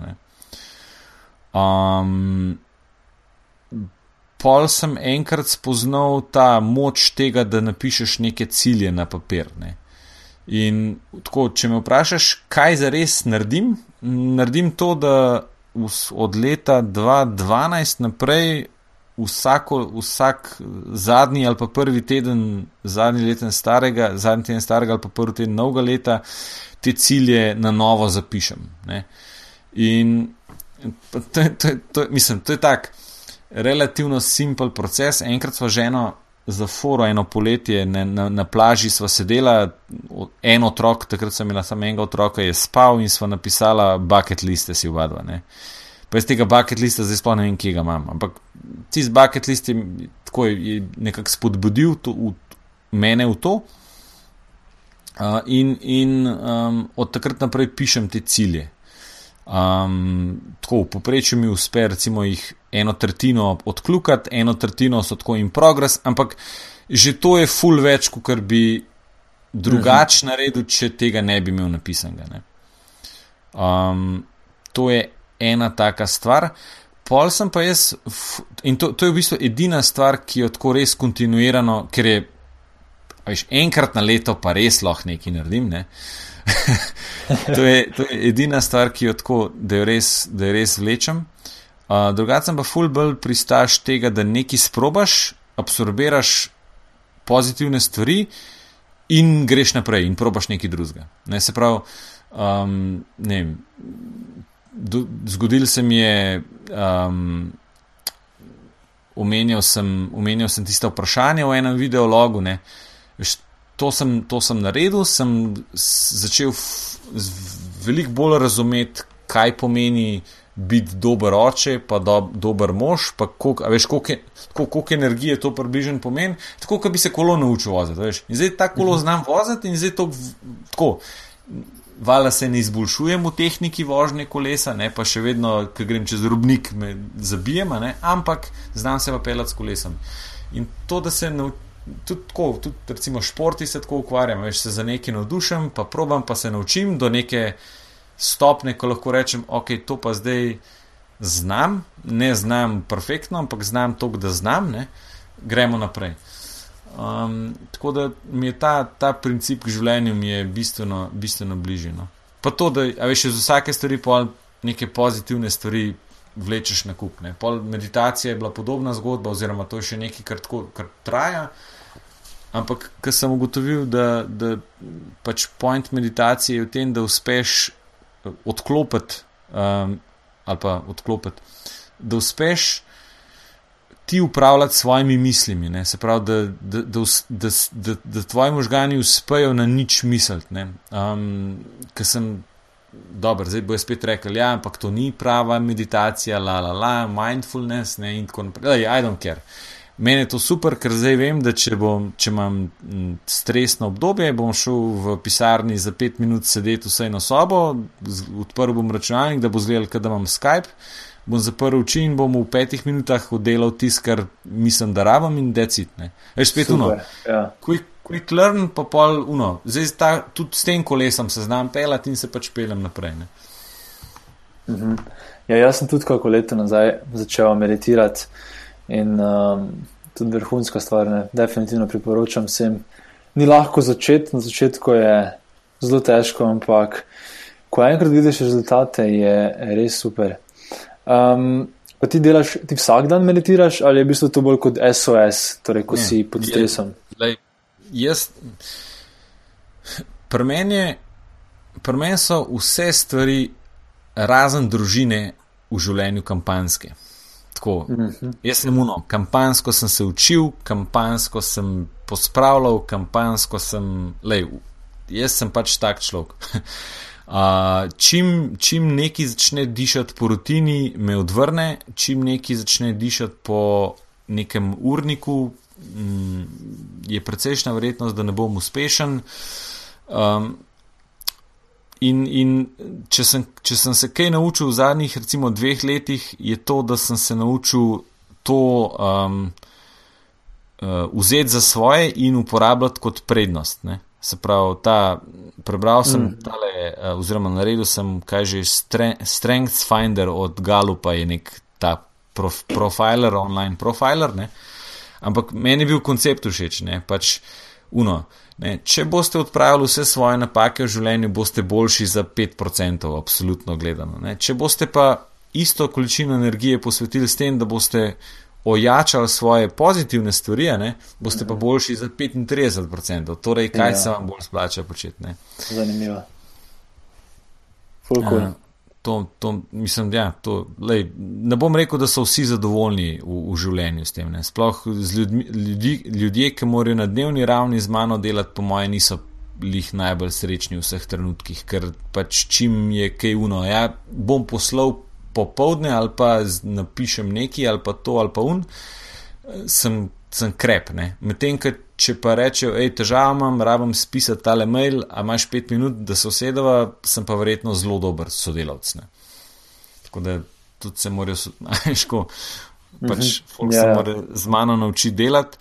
Jaz sem pa zdaj tudi tako strd, da si pa rečem, hej, pa sej mi ni treba se vsem spremeniti, tako da bom ustrezal nekim, veš, nemškim standardom produktivnosti. Ja. Tako, lej, pač, za neke stvari sem dober, za neke sem pa mal manj dober. Ampak če vnaprej povem, v čem sem slab, ne, uh mhm. -huh. tega recimo se ena sodelovka ne more načutiti. Kako, kako jaz lahko to direktno povem, v čem sem slab, pa kva sem zajebal, pa veš tako. Tega. Uh -huh. ja. Ampak to je nek, nek moj tak uno. Uh, s tem nastavljam pričakovanja tebe do mene. Tako da ne mi ja. pa reči, Ej, nisem si mislil, da na ta mail ne boš odpisal, ne? ker ja, le, mogoče, ško, ta, ta varianta. No. Ja, ja, iskrenost. Ja. Smo imeli čas za, čas za prijatelji, um, takšen sestanek, na katerem smo se dobili prav tam v Ljubljani na nebotičniku, čist na vrhu v tisti sobi in, in smo si neposredno, iskreno povedali, v čem mislimo, da je drug drug zelo slab, ne? oziroma v čem ja. je v tistem trenutku, kaj si želel delati, pa ni delal. Ne? Ja, in ja. in, in tem tista oseba ni smela nič govoriti, oziroma samo zapiske lahko ja, ja, delala. Ja. In to mi je bilo res fenomenalno. To je dobro. Uh, ja, ja. Um, ej, zdaj se glih tik pred novim letom nahajamo, čeprav bo potke so bila naslednje leto. In me zanima, um, če si omenjal, si, da postavljaš cilje na koncu leta, je, če imaš kak zanimiv cilj, um, oziroma kako uh, svojo strength, ne, um, torej prednost na katero boš probo leto 2017 še posebej izpostaviti? Um, ja, imam. Uh, Sprav, poskušal bom biti čim bolj učinkovit. Nisem še artikuliral cilja, um, to ima dejansko ženo zdaj le eh, v dveh dnevih, dvakrat po dve urce zabukirane, zato da dejansko to narediva skupaj, ker eni cilji so skupni. Oh, uh, um, ampak od mojih osebnih ciljev je pa to, da bom zelo racionalno delal z svojo energijo, v smislu, ne bom se ukvarjal s stvarmi, ki mi ali. Eh, ne, ne bom niti rekel finančno pomagajo, ampak uno, veš, a mi je neka stvar blizu, ne, a, a, a, uno, a je hell yes, a je no way, ne, to je spet ferisova mm. fora, ampak ta. To, to, to, Derek Siver se mi zdi. Ja, ja.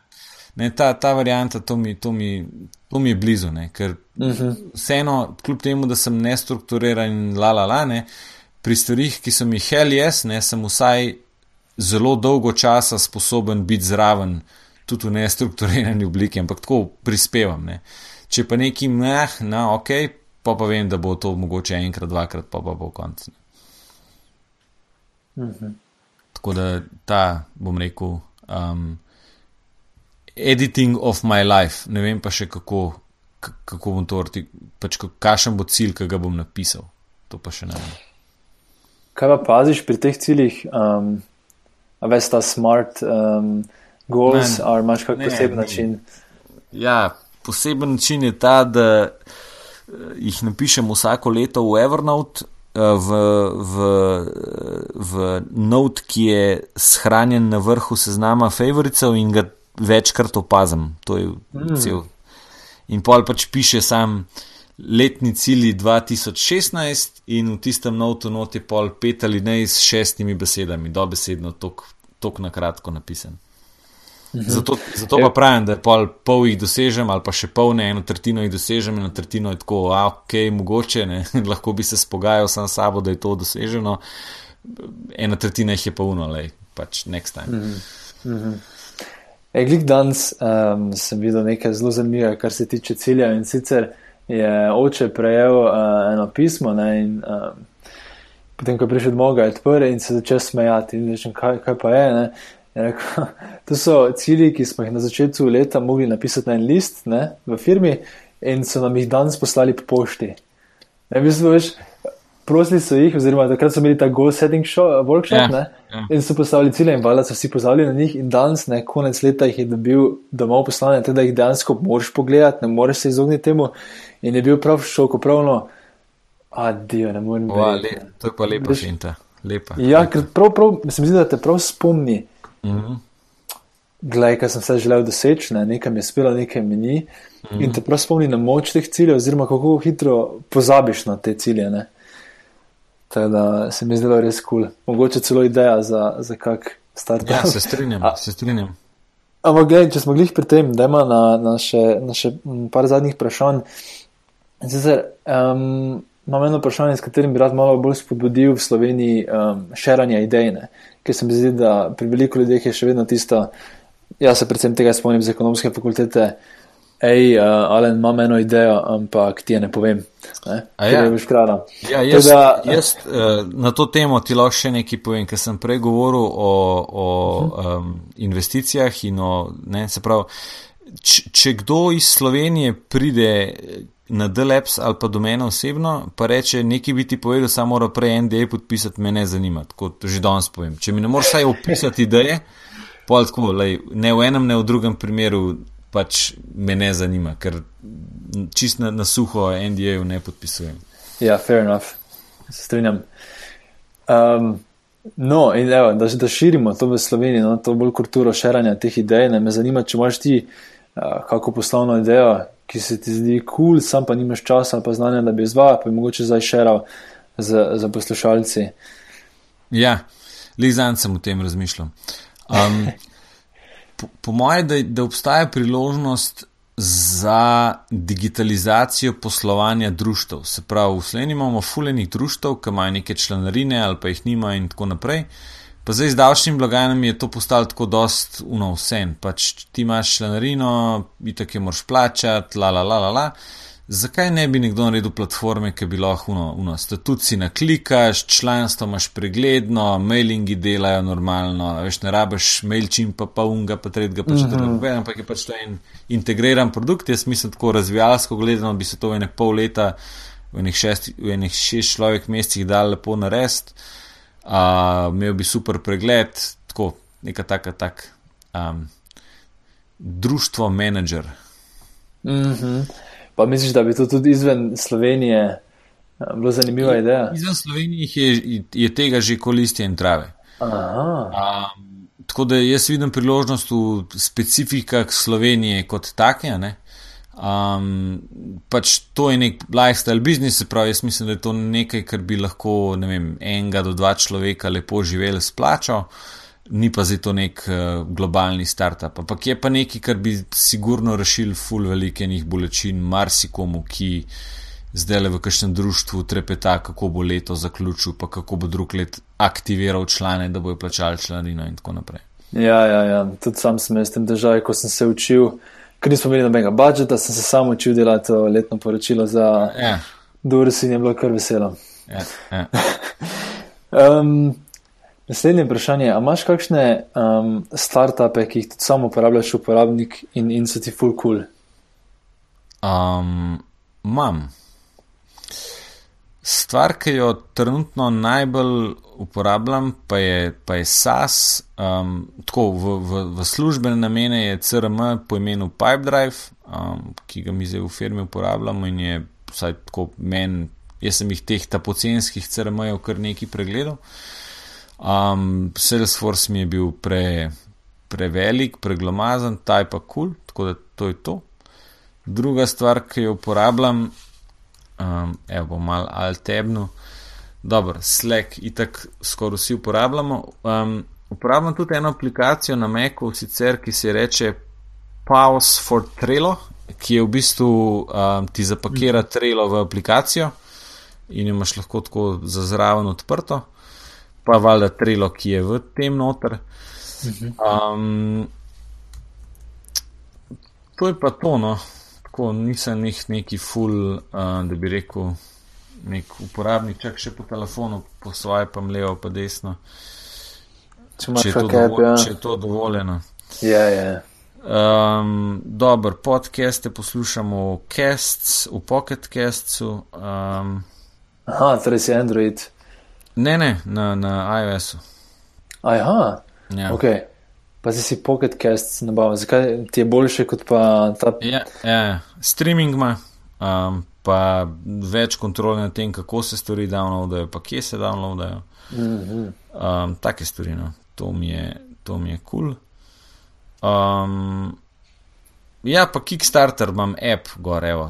Mm, to pa povem zato, ker sem relativno veliko stvari backam na Kickstarterju. No. Mi je ta kultura mindset, nekako se mi zdi, da, da pa, zdaj, tako, ko gledam tle, imam, veš, ruzak imam iz Kickstarterja, uh, svinčnik imam iz Kickstarterja, um, deko imam iz Kickstarterja, tako fulejnih stvari imam iz Kickstarterja. To mi je tako, to mi je tak hobi.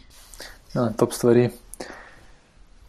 Hvala ti, ful, Tilen, za, za tvoj čas. Ja, hvala tebi, da si prišla. Ja, definitivno. Um, se mi zdi, da smo šli v dosti zelo zanimivih detajlov. Um, ampak, če imaš kdo, kakšen poslušalec, mogoče kakšno specifično vprašanje, uh, če lahko poveš, kje te najde, oziroma kako te lahko to kontaktirajo, če si sploh to želiš, seveda. Ja, valjda. jaz, jaz vedno povem. Uh, se pravi, tilen.travnikaf.gmail.com, um, telefonsko številko pogooglate, jo boste verjetno najdel. Um, od social networkov največ časa preživim na Facebooku, sem pa tudi na Twitterjih in podobnih zadevah, ampak tako Facebook je moj primaren social network. Kako pa, evo, da še te to vprašam, kako napredujejo kaj tvoji videologi? Ne? To si pred kratkim začel snemati. Ja, um, moj videolog. Kakšen je plan s tem? Plan je s tem, da do konca leta naredim še dva. Uh -huh. um, to jih bo skupaj šest, in po šestih se bom odločil, ali mi je to kul cool ali ne. Tako da pričakujte v naslednjih dneh še dva. Ja, za vse pa, ko še niste pogledali, definitivno priporočam, da greste na um, Tilnovo Facebook stran, ker je par teh um, commuting coachov, kot se imenujejo. Ja, ja. Um, bilo zelo specifično tudi za start-upe in bilo zelo zanimivih stvari, tako da lahko greste pogledat um, in, in, in je dosta uporabnega konta tam. Tako, to je vse v današnji epizodi. Če ti podcast za kulise všeč, te vabim, da se prijaviš na mailing listu na zakulisi.com, da boš obveščen ob objavi naslednje epizode. Zaenkrat se je izkazalo, da je ena epizoda na dva tedna dobra frekvenca, tako da bom kar nadaljeval s tem. A ja, pa hvala vsem, ki ste oddali ocene in komentarje na iTunesu. Za tiste, ki pa še tega niste naredili, vas vabim, da mi tako pomagate razširiti besedo o tem projektu saj z vsako ceno in komentarjem iTunes boljše reagira podcast in ga potem lahko odkriješ več ljudi. Hvala še enkrat in se slišimo v kratkem.